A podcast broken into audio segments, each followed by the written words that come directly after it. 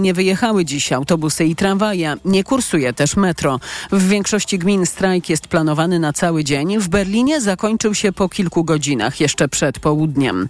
To także drugi dzień, gdy nie działa lotnisko w Hamburgu. To są informacje TOK FM. Na Pomorzu powstała książeczka, która pomaga oswoić dziecko z pobytem w szpitalu. Zespół psychologów ze szpitala w Wejherowie opisał w niej losy dziewczynki, która potrzebowała pomocy lekarzy i krok po kroku poznawała to, co czeka każdy każde dziecko trafiające na oddział, opowiada rzeczniczka szpitali pomorskich Małgorzata Pisarewicz. Trafia do szpitala, do szpitalny oddział ratunkowy i przechodzi przez różnego rodzaju miejsca. W bardzo przyjazny sposób przedstawione są najważniejsze osoby, które pracują w szpitalu. Dziecko dowiaduje się też, jak wygląda pobieranie krwi, mierzenie ciśnienia czy badanie USG. Także przedstawiamy różnego rodzaju historie, które mają dziecku pokazać, że pobyt w szpitalu nie musi być jakiś traumatyczny. Książeczka ma być dostępna dostępna we wszystkich szpitalach marszałkowskich na Pomorzu.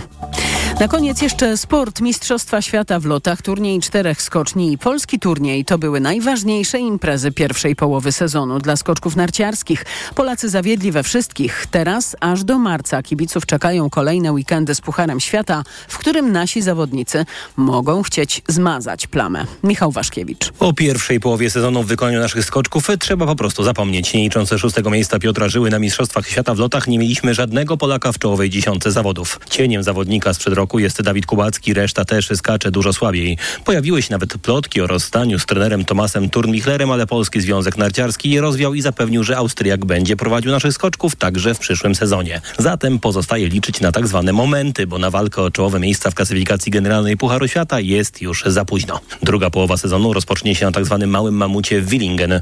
Już dziś kwalifikacje, a jutro i pojutrze czekają nas dwa konkursy indywidualne.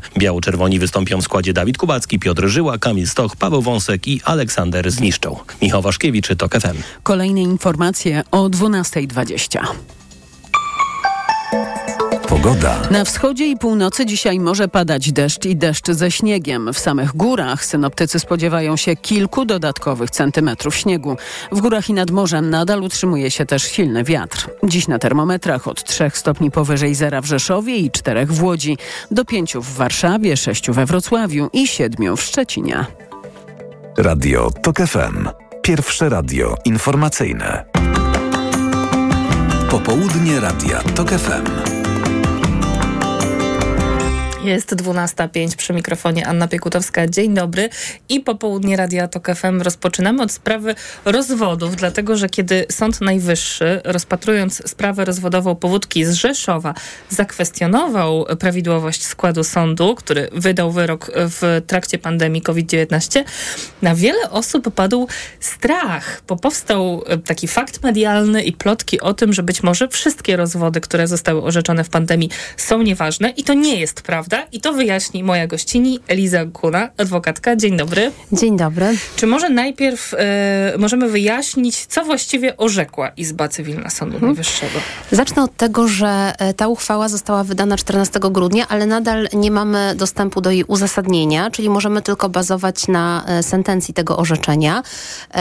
Sąd wskazał, że skład, w którym orzekała, e, orzekał sąd w tej konkretnej sprawie był nieprawidłowy, co w tym konkretnym przypadku powoduje nieważność postępowania. Nieprawidłowy, czyli y, był jeden sędzia i dwóch, dwóch ławników. Tak, dlatego że mm, zasadniczo w polskim postępowaniu cywilnym od dziesięcioleci w sprawach rozwodowych sądził skład trzyosobowy. To był jeden sędzia zawodowy i dwóch ławników właśnie. Ale w momencie wybuchu pandemii COVID, e, ustawa covidowa, która określała no, setki różnych regulacji, tak, e, która zmieniała się też co tydzień, e, w którejś kolejnej nowelizacji zmodyfikowała też składy mm, sądowe w kilku różnych rodzajach postępowań, między innymi w postępowaniach rozwodowych i Według tej ustawy ten skład powinien być jednoosobowy, czyli miał to być jeden sędzia zawodowy. E, I e, tak miało być bodajże mm, od lipca 2021 roku do kwietnia 2023 roku. I cóż się okazało? Okazało się, że niektóre sądy okręgowe jednak na podstawie zarządzeń prezesów sądów e, rozpatrywały te sprawy rozwodowe w składach ławniczych. Czyli tak jak to miało miejsce wcześniej, przed wprowadzeniem tych przepisów e, covidowych. Czyli w sumie lepiej, bo w pełnym składzie. No właśnie. I tu powstaje e, pewna wątpliwość, dlatego że no, takie pewnie przeświadczenie przyświecało też prezesom sądów, którzy takie zarządzenia wydawali, czy też przewodniczącym wydziałów, ale też no, były też duże wątpliwości co do skuteczności tej ustawy covidowej. Pamiętamy słynne dyskusje o obowiązywaniu maseczek, nieobowiązywaniu. Mm, no i e, z tego powodu były różne praktyki orzecznicze. Podam przykład Warszawy, e, w której znajdują się dwa sądy okręgowe. Jeden dla lewobrzeżnej Warszawy, czyli Sąd Okręgowy w Warszawie, drugi dla prawobrzeżnej, czyli Sąd Okręgowy Warszawa-Praga. I nawet tutaj, w jednym mieście, praktyka była niejednolita. To znaczy, lewobrzeżny sąd sądził w składzie jednego sędziego przez ten cały okres, a w sądzie prawobrzeżnym pojawiali się ławnicy, potem znikali, potem znowu się pojawiali. E, pamiętam to z kilku moich e, postępowań. E, no i faktycznie no, tutaj powstały na kanwie tego wątpliwości. I w tej sprawie zdaje się, że chyba skarżącym do Sądu Najwyższego był mężczyzna, który przegrał w pierwszej instancji rozwód z winą i złożył apelację. I tam jednym z zarzutów apelacyjnych właśnie był ten skład sądu. I Sąd Apelacyjny z Rzeszowa właśnie zwrócił się z pytaniem prawnym do Sądu Najwyższego, co w takiej sprawie. I dlaczego ta uchwała ma takie znaczenie? Bo ona wskazuje w sposób jednoznaczny, że to, postępo, to postępowanie i podobne postępowania były objęte nieważnością, ale ona wywiera skutki prawne co do tego jednego postępowania i ewentualnie postępowań w toku, czyli innych postępowań rozwodowych, które się jeszcze nie zakończyły. Co, biorąc pod uwagę tempo orzekania polskich sądów w sprawach rozwodowych, jest wysoce prawdopodobne, że takich postępowań... w pandemii i po niej. Tak jest, że takich postępowań właśnie spornych jest jeszcze dużo, które są na etapie albo postępowania pierwszej instancji, albo też e, postępowania e, przed sądem apelacyjnym. I tutaj tę nieważność postępowania sądy będą musiały brać pod uwagę z urzędu. To znaczy, w przypadku, kiedy e, sąd apelacyjny na przykład ma rozpatrzyć apelację od takiej sprawy, mm, no to prawdopodobnie skutkiem tej uchwały zwróci sprawę do ponownego rozpoznania, uchylając wyrok sądu pierwszej instancji. Czyli rozwód będzie trwał jeszcze dłużej, będzie bardziej kosztowny, skomplikowany i na pewno będzie utrudniał jeszcze bardziej życie tym osobom. A co z tymi osobami, które już się rozwiodły ostatecznie w trakcie pandemii, yy, czy tuż po, czy one muszą się obawiać, że ich rozwód jest nieważny? Ich wyroki są w obrocie prawnym, są prawomocne, wykonalne, odnotowane w urzędach stanu cywilnego i z automatu nie straciły na ważności, czyli one nadal obowiązują. Natomiast e, to, co e, budzi pewne dyskusje prawników i wśród adwokatów, i wśród sędziów, to jest to, czy ten błędny skład, który w niektórych postępowaniach był, mm, bo trzeba dodać, że nie dotyczy to wszystkich sądów i wszystkich spraw w tym czasie, e, czy on stanowi podstawę do wznowienia postępowania? Że na przykład y, mąż lub żona, którzy się już rozwiedli, mogą, nie wiem z jakich powodów właściwie, ale mogą y, wnieść o wznowienie postępowania. Podstawą tutaj ewentualnie mogłoby być właśnie nieważność postępowania z powodu tego, że sądził nieuprawniony e, sędzia.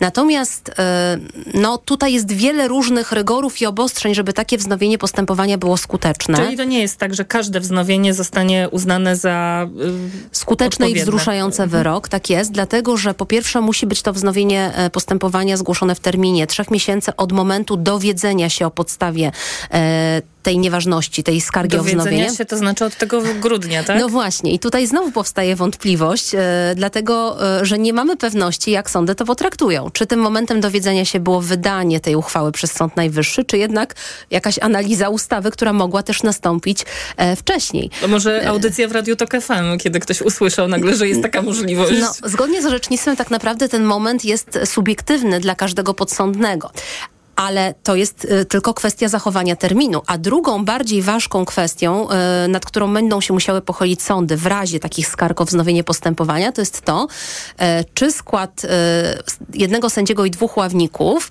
jest składem, w, których, w którym sądzi osoba nieuprawniona. Dlatego, że mm, teoretycznie ławnicy co do zasady są uprawnieni do orzekania w sprawach sądowych. Mhm. Nie byli akurat w tym konkretnym czasie uprawnieni do orzekania tego rodzaju spraw. Ale nie są to osoby, które przechodziły z tragarzami i nagle tutaj Tak jest. I założyły togę tak. i łańcuch i zaprosiły e, na sprawę. No więc tutaj też są pewne tarcia i w Sądzie Najwyższym i pomiędzy przedstawicielami doktryny, czyli między prawnikami i profesorami prawa, czy jest coś takiego jak skład lepszy i gorszy, czyli skład, w którym jest dwóch ławników i sędzia zawodowy teoretycznie powinien być lepszy od jednego sędziego zawodowego, bo trzy, co trzy głowy to nie jedna w takim potocznym postrzeganiu, ale jest też znacząca e, część e, prawników, która e, uważa, że nie ma składów lepszych i gorszych, jest skład albo zgodny z prawem, albo z prawem niezgodny.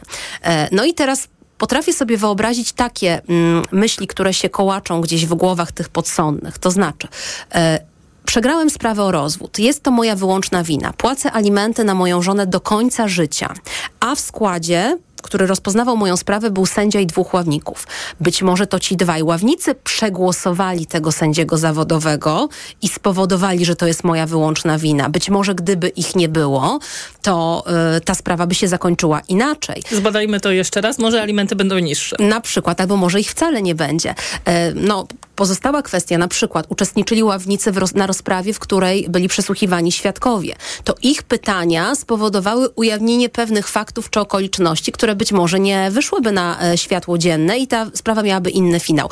Także e, chcę zwrócić uwagę, że ewentualne skargi o wznowienie postępowania, które mogą się pojawić, ale nie muszą, będą rozpoznawane przez sądy, które wydawały to orzeczenie rozwodowe, czyli sądy okręgowe w poszczególnych mhm. miastach. Jakie tam będzie podejście sędziów do tej, do tego wznowienia postępowania, no to czas pokaże.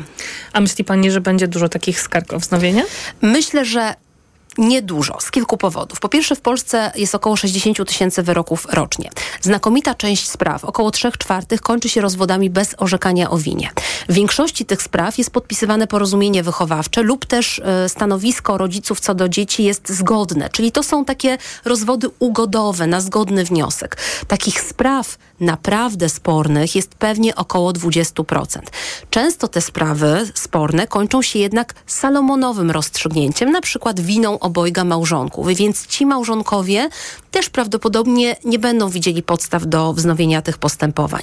A ostatnia rzecz jest taka, że postępowania rozwodowe są postępowaniami obarczającymi na wielu poziomach. Na poziomie czasowym, emocjonalnym, finansowym, angażującym, e, są to postępowania, które angażują wiele osób z naszego najbliższego kręgu. E, powoływani na e, świadków są rodzice, rodzeństwo, przyjaciele, znajomi, sąsiedzi. Czasem też w sprawach uczestniczą dzieci, ponieważ są badane przez biegłych sądowych. Dlatego mało który e, małżonek, który przeszedł już wieloletnią gehennę postępowań rozwodowych spornych, chciałby sobie serwować te w cudzysłowie przyjemność jeszcze raz. No, niektórzy małżonkowie byli, mogą już mieć nowych małżonków i wtedy to jest jeszcze większy kłopot. No nie, tutaj na szczęście sytuacja jest jasna i nie budząca wątpliwości w doktrynie. To znaczy e, jest szczególny przepis, który to reguluje i wskazuje, że jeżeli zostało zawarte nowe małżeństwo, nie można żądać wznowienia poprzedniego postępowania rozwodowego. Super. Myślę, że wyjaśniłyśmy wszystkie wątpliwości z tym związane i to nie jest tak rzeczywiście, że nagle ogromna liczba rozwodów zostanie unieważniona w po prostu skutek automatyczny i natychmiastowy. Bardzo za to dziękuję. Moją gościnią była pani Eliza Kuna, adwokatka. Dziękuję. My wracamy po informacjach Radia Tok FM. Popołudnie Radia TOK FM.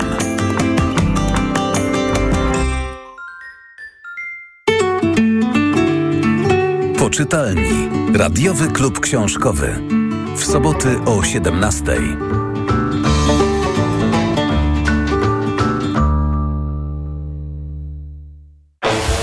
Na audycję zaprasza sponsor Grupa Wydawnicza Filia. Wydawca powieści Remigiusza Mroza. Operacja Mir.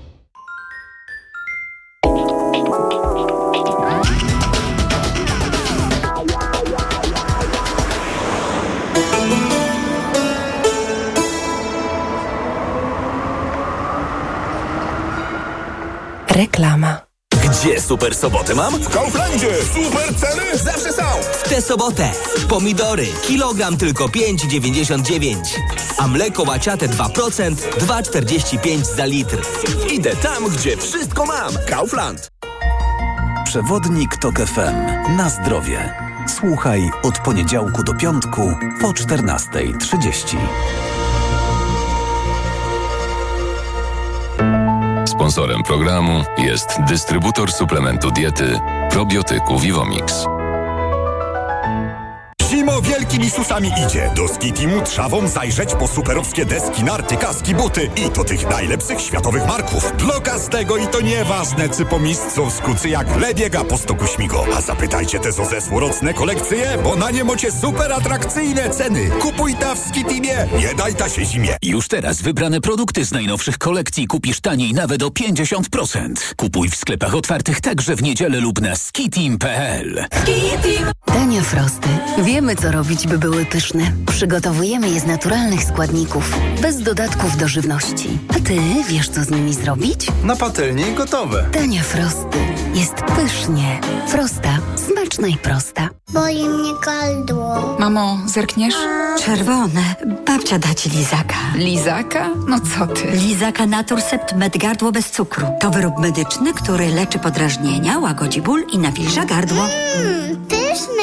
Jak gardełko? Już nie boli. To jest wyrób medyczny. Używaj go zgodnie z instrukcją używania lub etykietą. Łagodzi podrażnienia, nawilża i odświeża błonę śluzową jamy ustnej i gardła. Aflofarm. Lizaki Naturcept Med. Pysznie smakują, gardło kurują. Kierowco, bądź przygotowany na wszystko, co może spotkać Cię w drodze i na parkingu. Poznaj wideorejestratory Garmin Dashcam, które wyróżnia solidna konstrukcja, świetna jakość nagrań i automatyczne wykrywanie zdarzeń. Twoje auto jest bezpieczne, nawet jeśli nie jesteś w pobliżu, dzięki funkcji ochrony parkingowej umożliwiającej podgląd na żywo.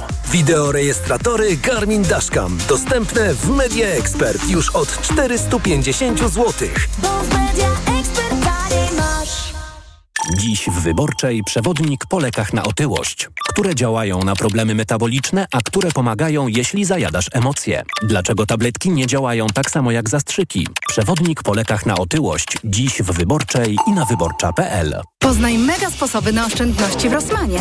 Między innymi szampon Only Bio do włosów przetłuszczających się. Najniższa cena z 30 dni przed obniżką 18,49, a teraz 14,99. Mega Ci się opłaca. W Rosmanie. Allegro Days już od poniedziałku mają. Promocje do minus 40%, w tym karma dla kota Gourmet Gold. 24 puszki po 85 gramów. Teraz tylko 64,99. Najniższa cena oferty z 30 dni przed obniżką 94,99. Allegro. Reklama. Radio TOK FM. Pierwsze radio informacyjne. Informacje TOK FM. 12.20 Konrad Sabal. Daniel Obajtek szefem Orlenu będzie tylko do poniedziałku. Wczoraj Rada Nadzorcza koncernu odwołała go ze stanowiska. Sprawa fuzji Orlenu z Lotosem, jednego z większych projektów w czasach prezesury Obajtka, nie przestaje budzić kontrowersji. Powinna się nią zająć komisja śledcza, uważa były wicepremier i były minister gospodarki Janusz Steinhoff. Jest to jeden z największych błędów gospodarczych po 1989 roku. Zniweczono efekty potężnych inwestycji w rafinerii gdańskiej. To była świadoma, nieracjonalna polityka Rady Ministrów. Ta decyzja wpłynęła również na obniżenie bezpieczeństwa państwa, uważa były minister gospodarki w sprawie fuzji. Śledztwo wszczęła właśnie prokuratura w Płocku. Pieniądz w państwie PiS nie był szanowany, był wydawany na prawo i lewo, a jest wiele podstaw do tego, żeby powiedzieć, że mamy do czynienia z przestępstwami, mówi wicepremier Krzysztof Gawkowski. To pierwsze wnioski z audytów w ministerstwach, które przeprowadza obecna koalicja rządząca. Podsumowanie audytów we wszystkich resortach odbędzie się jeszcze w pierwszym kwartale. Gawkowski nie podaje więcej szczegółów, zdradza tylko, że pierwsze wnioski są, jak mówi, zatrważające. Dwóch francuskich pracowników organizacji pomocowych zginęło w atakach rosyjskich w Ukrainie. Obaj Francuzi zginęli w ataku dronów w Berysławiu, niedaleko Hersonia. Prezydent Francji Emmanuel Macron potępił ten atak jako skandaliczny. Macron wyraził też solidarność ze wszystkimi wolontariuszami, którzy angażują się w pomaganie ludziom. Bruksela posiada narzędzia, aby zaszkodzić Węgrom, ale szkody, które my im wyrządzimy, również nie będą przyjemne. Viktor Orban reaguje na wczorajszy szczyt w Brukseli, podczas którego premier Węgier ostatecznie nie zawetował unijnej pomocy dla Ukrainy.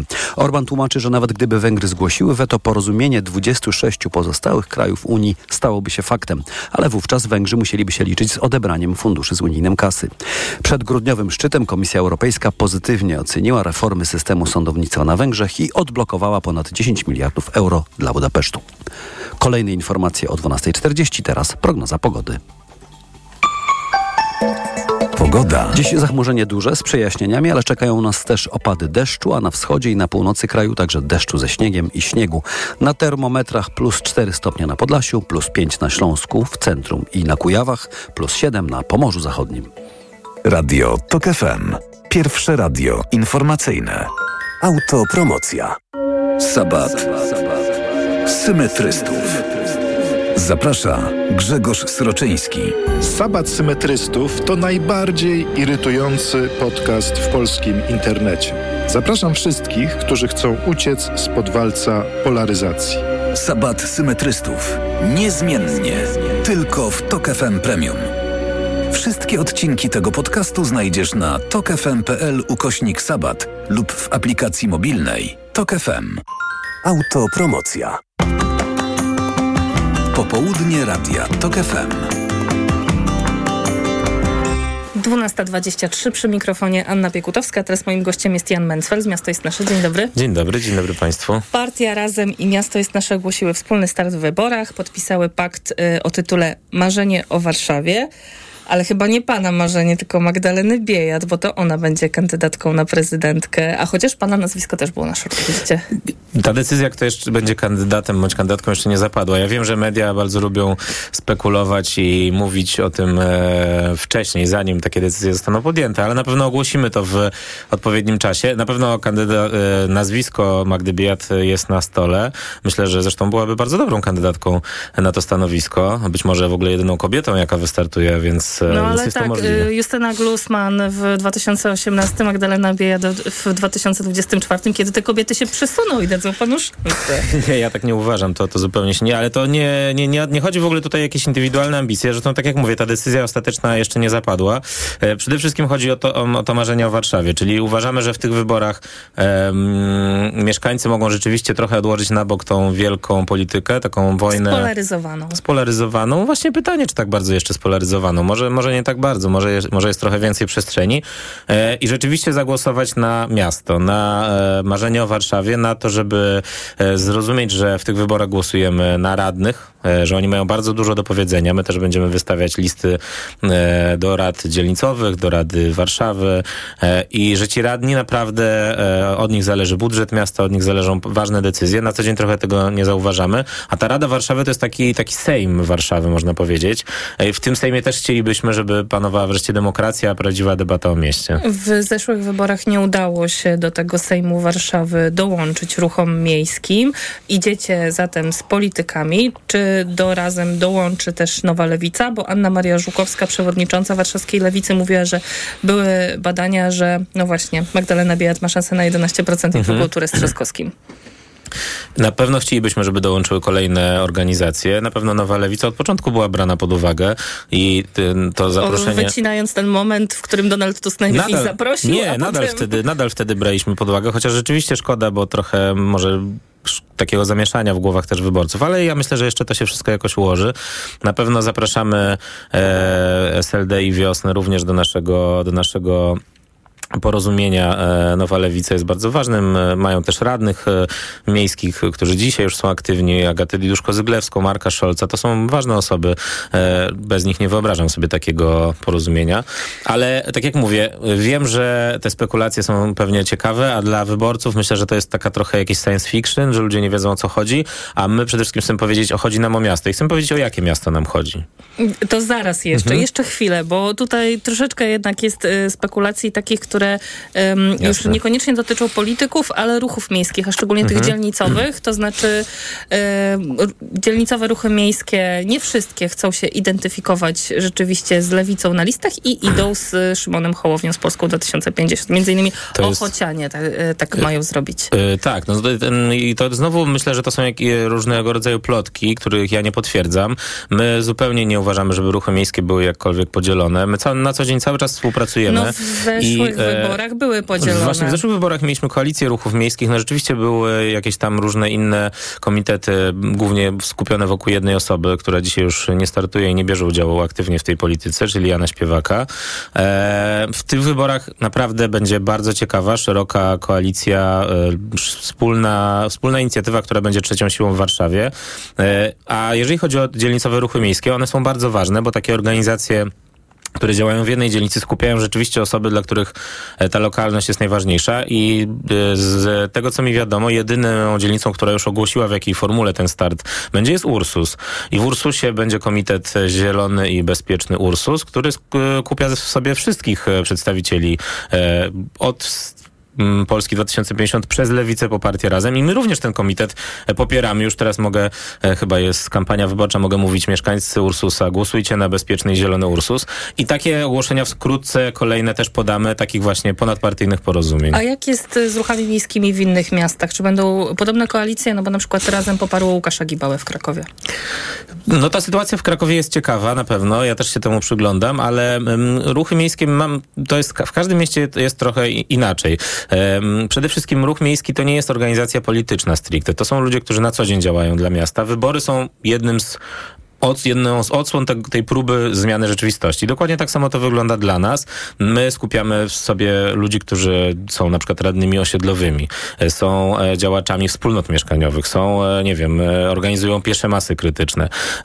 I to są ludzie, którzy na co dzień zmieniają miasto, już, nawet nie, nie będąc radnymi, a teraz chcą powalczyć o to, żeby mieć ten wpływ trochę większy.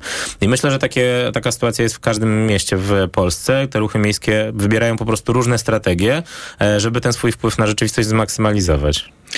E, prawdopodobnie e, Prawo i Sprawiedliwość w wyborach samorządowych w Warszawie wystawi byłego wojewodę, wojewodę Tobiasza Bocheńskiego. Jutro PiS oficjalnie ma to potwierdzić na konferencji prasowej. Bocheński to jest taki młody polityk, szerzej nieznany, mhm. nazywany Dudą Bis.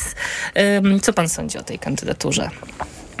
No chyba PiS po prostu poddaje się, mam wrażenie, bez walki. Nie wiem, znaczy nie, nie, nie chcę tutaj, to nie są jakieś personalne moje uwagi wobec pana Bocheńskiego, chociaż jako wojewoda, bo przez kilka miesięcy był wojewodą, dał się poznać raczej jako taki e, blokujący różne inicjatywy, a nie miał za bardzo konstruktywnych pomysłów. Więc E, myślę, że to jest próba po prostu, znaczy tak brutalnie powiem, chyba nikt inny się nie chciał zgodzić, więc dlatego on wystartował, bo pewnie to jest zawsze jakaś promocja. No ale to jest kolejna sytuacja, tak naprawdę ta rywalizacja między prezydentem Trzaskowskim a, a Tobiaszem Bocheńskim, Bocheńskim to jest rywalizacja dwóch polityków, którzy myślę, że mają wyższe ambicje niż prezydentura Warszawy. E, też nie jest tajemnicą, że prezydent Trzaskowski no, marzy o pewnie karierze w Pałacu Prezydenckim za rok już.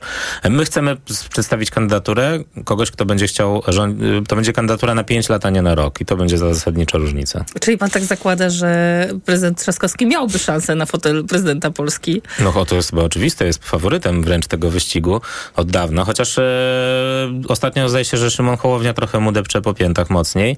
Ale e, to znowu są właśnie ta wielka polityka. My chcemy pokazać, że te wybory są o czymś innym. Że mieszkaniec e, czy mieszkanka Warszawy 7 kwietnia zagłosuje na osobę, która przez najbliższe 5 lat będzie dbała o e, to, żeby nie wycinano jej drzew na osiedlu, żeby wręcz te drzewa, żeby ich było więcej, żeby były budowane mieszkania, bo dzisiaj mamy olbrzymi problem z brakiem mieszkań. Po prostu ceny mieszkań są w Warszawie już z kosmosu. Mieszkanie to jest już towar luksusowy.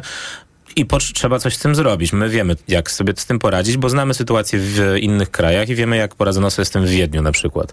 I to chcemy wdrożyć w Warszawie. To będzie głos za przejściami dla pieszych, których brakuje. Super, że się udało w centrum wyznaczyć te brakujące przejścia. Myśmy o to kilka lat maszerowali wręcz, ale potrzeba po prostu robić to szybciej, bardziej aktywnie, bo Warszawa jest miastem naprawdę mało dostępnym. Ja jako rodzic trójki dzieci wiem, jak się porusza po Warszawie z wózkiem dziecięcym. No, niektórych miejscach po prostu nie da się przejść. E, więc tak są sprawy, o, które, o których będziemy głosować w tych wyborach 7 kwietnia. Czyli priorytety zieleń, mieszkaniówka? E, transport publiczny, e, dostępność, e, właśnie przyjazność przestrzeni miejskiej, zielone place wreszcie zamiast parkingów, bo mamy parking Konstytucji, parking bankowy, parking teatralny, powinniśmy mieć place w tym miejscu. I przede wszystkim obietnica, że nasi radni i radne to będą osoby naprawdę zaangażowane. To będą tacy ludzie, których widzimy jak na co dzień, załatwiają ważne dla mieszkańców sprawy w kilku dzielnicach już mamy radnych, jako miasto jest nasze. Na Mokotowie Melania Łuczak, na Żoliborzu Marta Szczepańska, Konrad Smoczny, Łukasz Poremski. To są ludzie, których mieszkańcy tych dzielnic naprawdę znają z działań. Melania Łuczak walczyła na przykład o e, e, sprawy Puławskiej. No niestety nie udało się z powodów politycznych, ale myślę, że się jeszcze uda. Mm, W Warszawie w tych wyborach będą nowe okręgi wyborcze. To jest taka zmiana, która wynika z demografii i w tym momencie będzie mniej dużych okręgów z siedmioma, ośmioma mandatami, a więcej takich mniejszych y, pięciomandatowych i w praktyce, jeśli te okręgi są mniejsze, no to to działa trochę jak dodatkowy próg wyborczy, Mhm. 15%. No to jest y, oczywiście utrudnienie szczególnie dla tych mniejszych komitetów. Będzie trudniej wywalczyć reprezentację w Radzie Warszawy. I te decyzje zaskarżyło miasto jest Mhm. nasze, ale ogólnie wszyscy oprócz Platformy Obywatelskiej y, są przeciwko niej. Tak, to jest podej- trochę, znaczy nie podejrzane, ale mm, dziwne, że akurat tylko Platforma Obywatelska nie była, e, jej się to podobało. No, to jest decyzja komisarza wyborczego, który, mm, która po prostu faworyzuje większe ugrupowania, no bo 15%, no wyobraźmy sobie taką sytuację, że w jakiejś dzielnicy właśnie startuje jakiś społeczny komitet, na przykład mieszkańców, tak? I ten komitet otrzymuje w wyborach poparcie rzędu 12 albo 13%. To jest dużo. Ale ci wyborcy nie mają ani jednej osoby, która ich reprezentuje potem w Radzie e, Warszawy. To nie jest sprawiedliwe. E, no ale to są decyzje, na które nie mamy absolutnie żadnego wpływu. E, zostały podjęte w zaciszu gabinetu. Komisarz wyborczy po prostu ogłosił. Myśmy próbowali to zaskarżyć. Sąd mm, bardzo miał mało czasu, żeby odpowiedzieć. Nie uwzględnił naszej skargi z przyczyn formalnych, co mam wrażenie, że było jakąś wymówką. No ale my się nie poddajemy. Uważamy, że te 15% dla połączonych sił, organizacji, które są znane, które myślę, że naprawdę i program, którym mamy, podziela bardzo dużo, więcej niż 15% mieszkanek i mieszkańców, jest możliwe. A jak pan ocenia działalność nowego rządu z perspektywy aktywistycznej i miejskiej? No za dużo w tematach ważnych z punktu widzenia miasta na razie się nie dzieje, bo nowy rząd musi że tak powiem, jest oblężony przez totalną opozycję w postaci PiSu. Są zapowiedzi Ale- programów Tak, mieszkaniowych, właśnie o których pan chciałem, też o, mówił. to świetnie, bo o tym chciałem powiedzieć, że nies- niestety tutaj to jest jedyna rzecz, która jest zapowiedziana, taka, która bezpośrednio wpłynie na e, dobrą jakość życia w miastach. No i nie jest to właściwy kierunek, mówiąc delikatnie. Znaczy, jeżeli wejdzie ten program kredyt 0%, e, to będziemy mieli, to mówią wszyscy ekonomiści, będziemy mieli jeszcze wyższy e, jeszcze ostrzejszy wzrost cen mieszkań, które wzrosły w ostatnim roku, przypomnę, w Warszawie około e, 20%, jeżeli bodaj dobrze pamiętam, wzrost cen mieszkań. Tak? Średnia cena metra mieszkania w Warszawie dzisiaj to jest 17 tysięcy złotych. To jest kosmos. E, Zwykły człowiek młody, który pracuje, nie może się po prostu wyprowadzić od rodziców, nawet już mając pracę, po dobrych studiach, bo nie stać go na wynajem mieszkania, no a przy takich cenach, no to kredyt jakby też nie jest specjalnie dobrym rozwiązaniem, ani też często jest niedostępny. E, więc e, my apelujemy, żeby tego programu nie wprowadzać, żeby zamiast tego przeznaczyć miliardy złotych na budownictwo, na budowanie tanich, e, dobrej jakości osiedli mieszkaniowych, na tanie mieszkania na wynajem. Dla szczególnie grup, które są w najwię- największej potrzebie, czyli młodych, młodych rodzin, może też niektórych grup zawodowych, które potrzebują takiego wsparcia. A ma pan poczucie, że zmienia się jednak klimat wokół tej takiej patologicznej sytuacji, jeśli chodzi o mieszkaniówkę w Polsce? Mhm. Tutaj mówię o tym porannym programie telewizji Tak. publicznej, w którym ostatnia ekspertka opowiadała o kontrowersyjnym zjawisku flippingu Mhm. i mówiła o tym, że eksmisja lokatorów to jest sprzątanie mieszkań, tak to określała. No i jej słowa wywołały ogromne poruszenie i też oburzenie jednak. Mhm. Wydaje mi się, Tak. że jeszcze kilka lat temu tak by nie było. Oczywiście, oczywiście. Ja, czy ja myślę, że przede wszystkim to, co zmieniło, to, co się zmieniło, to, że, no, tak jak mówię, przede wszystkim młodzi ludzie, którzy dzisiaj zderzają się właśnie z tą ścianą w postaci cen z kosmosu, nieadekwatnych w ogóle do zarobków, e, e, po prostu zauważyli, że coś jest nie w porządku. Do tej pory mogli sobie myśleć, a nie, no to widocznie tak musi być. No ale jak widzą, że powszechne są takie zjawiska jak flipping, czyli po prostu ktoś ma bardzo dużo pieniędzy, więc żeby pomnożyć bardzo, w szybkim tempie, niedużym wysiłkiem swój majątek, kupuje mieszkanie i od razu je odsprzedaje z zyskiem. Jeszcze co gorsza tam po drodze wyrzucając z niego, bo to, to często jest tak, że oni nie kupują całego mieszkania fliperzy, tylko kupują udziały w mieszkaniu. Bo jeden ze spadkobierców e, po prostu im odsprzedaje, bo jest w trudnej sytuacji materialnej. I wchodząc do takiego mieszkania z udziałami podwyższają jakieś opłaty starszej pani, która w tym mieszkaniu mieszka. I ona się musi wyprowadzić, bo co ma niby zrobić? Udziałowiec jej mieszkania powiedział, że musi płacić więcej. No to są skandaliczne praktyki, ale przede wszystkim pokazują, że ta sytuacja na rynku mieszkaniowym jest napędzona przez właśnie e, tak po prostu to, że mieszkanie stało się towarem inwestycyjnym. Kiedy ogłosicie Państwo kandydata albo kandydatkę na prezydenta oficjalnie? Tak jak mówię, my budujemy szerokie porozumienie. Jeszcze jest trochę czasu, żeby kolejne organizacje do nas dołączyły. W przyszłym tygodniu? Myślę, że to jest możliwe. Jan Mencfel, Miasto jest nasze. Bardzo dziękuję za rozmowę. Dziękuję. Popołudnie Radia TOK FM. Reklama. RTV Euro AGD. Czas na czyszczenie magazynów. Przeceny na tysiące produktów. Zmywarka do zabudowy Whirlpool. Szuflada na sztuczce. Najniższa cena z ostatnich 30 dni przed obniżką to 1899. Teraz za 1799 zł. I aż 30 raty 0% na cały asortyment. Z wyłączeniem produktów Apple. I do czerwca nie płacisz. RRSO 0%. Promocja ratalna do 15 lutego. Regulamin w sklepach i na euro.com.pl. Halo? Słuchaj, ja cię bardzo przepraszam, ale ja nie mam czasu teraz z tobą rozmawiać. Ja się po prostu nie wyrabiam z tym Disney Plus. Siedzę i oglądam te seriale i dalej nie wiem, jak on poznał ich matkę. Mhm. A jeszcze przede mną współczesna rodzina. No, odzwonię do ciebie później, dobra? Kochana, ale to ty do mnie dzwonisz. Aha, e, na razie. Disney Plus to kultowe komedie. Oglądaj wszystkie sezony współczesnej rodziny i jak poznałem waszą matkę. Szczegóły na disneyplus.com. Dziś w Wyborczej przewodnik po lekach na otyłość, które działają na problemy metaboliczne, a które pomagają, jeśli zajadasz emocje. Dlaczego tabletki nie działają tak samo jak zastrzyki? Przewodnik po lekach na otyłość. Dziś w Wyborczej i na wyborcza.pl. Odjazdowa zima na stacjach BP, a wraz z nią odjazdowa promocja dla LPG. W sam raz na udany początek lub zakończenie odjazdowego wyjazdu na ferie. Zatankuj minimum 20 litrów autogazu, a pysznego hot doga standard z berlinką z Wild Bean Cafe otrzymasz w supercenie tylko 3,99. Odjazdowa zima trwa codziennie na stacjach BP. Cena hot doga przed obniżką wynosi 7,49. Regulamin na bp.pl. BP. Kierujemy się Tobą. Zaczęło się! Startują Casto Days w Castoramie. Mnóstwo produktów w niesamowicie niskich cenach. I wielka loteria, w której możesz wygrać kupony zniżkowe na kolejne zakupy w Castoramie. Pula nagród to aż 500 tysięcy złotych. Weź udział w loterii Casto Days i zgarniaj nagrody. Tylko do 13 lutego. Szczegóły i regulamin na loteriacastodays.pl Szalalala.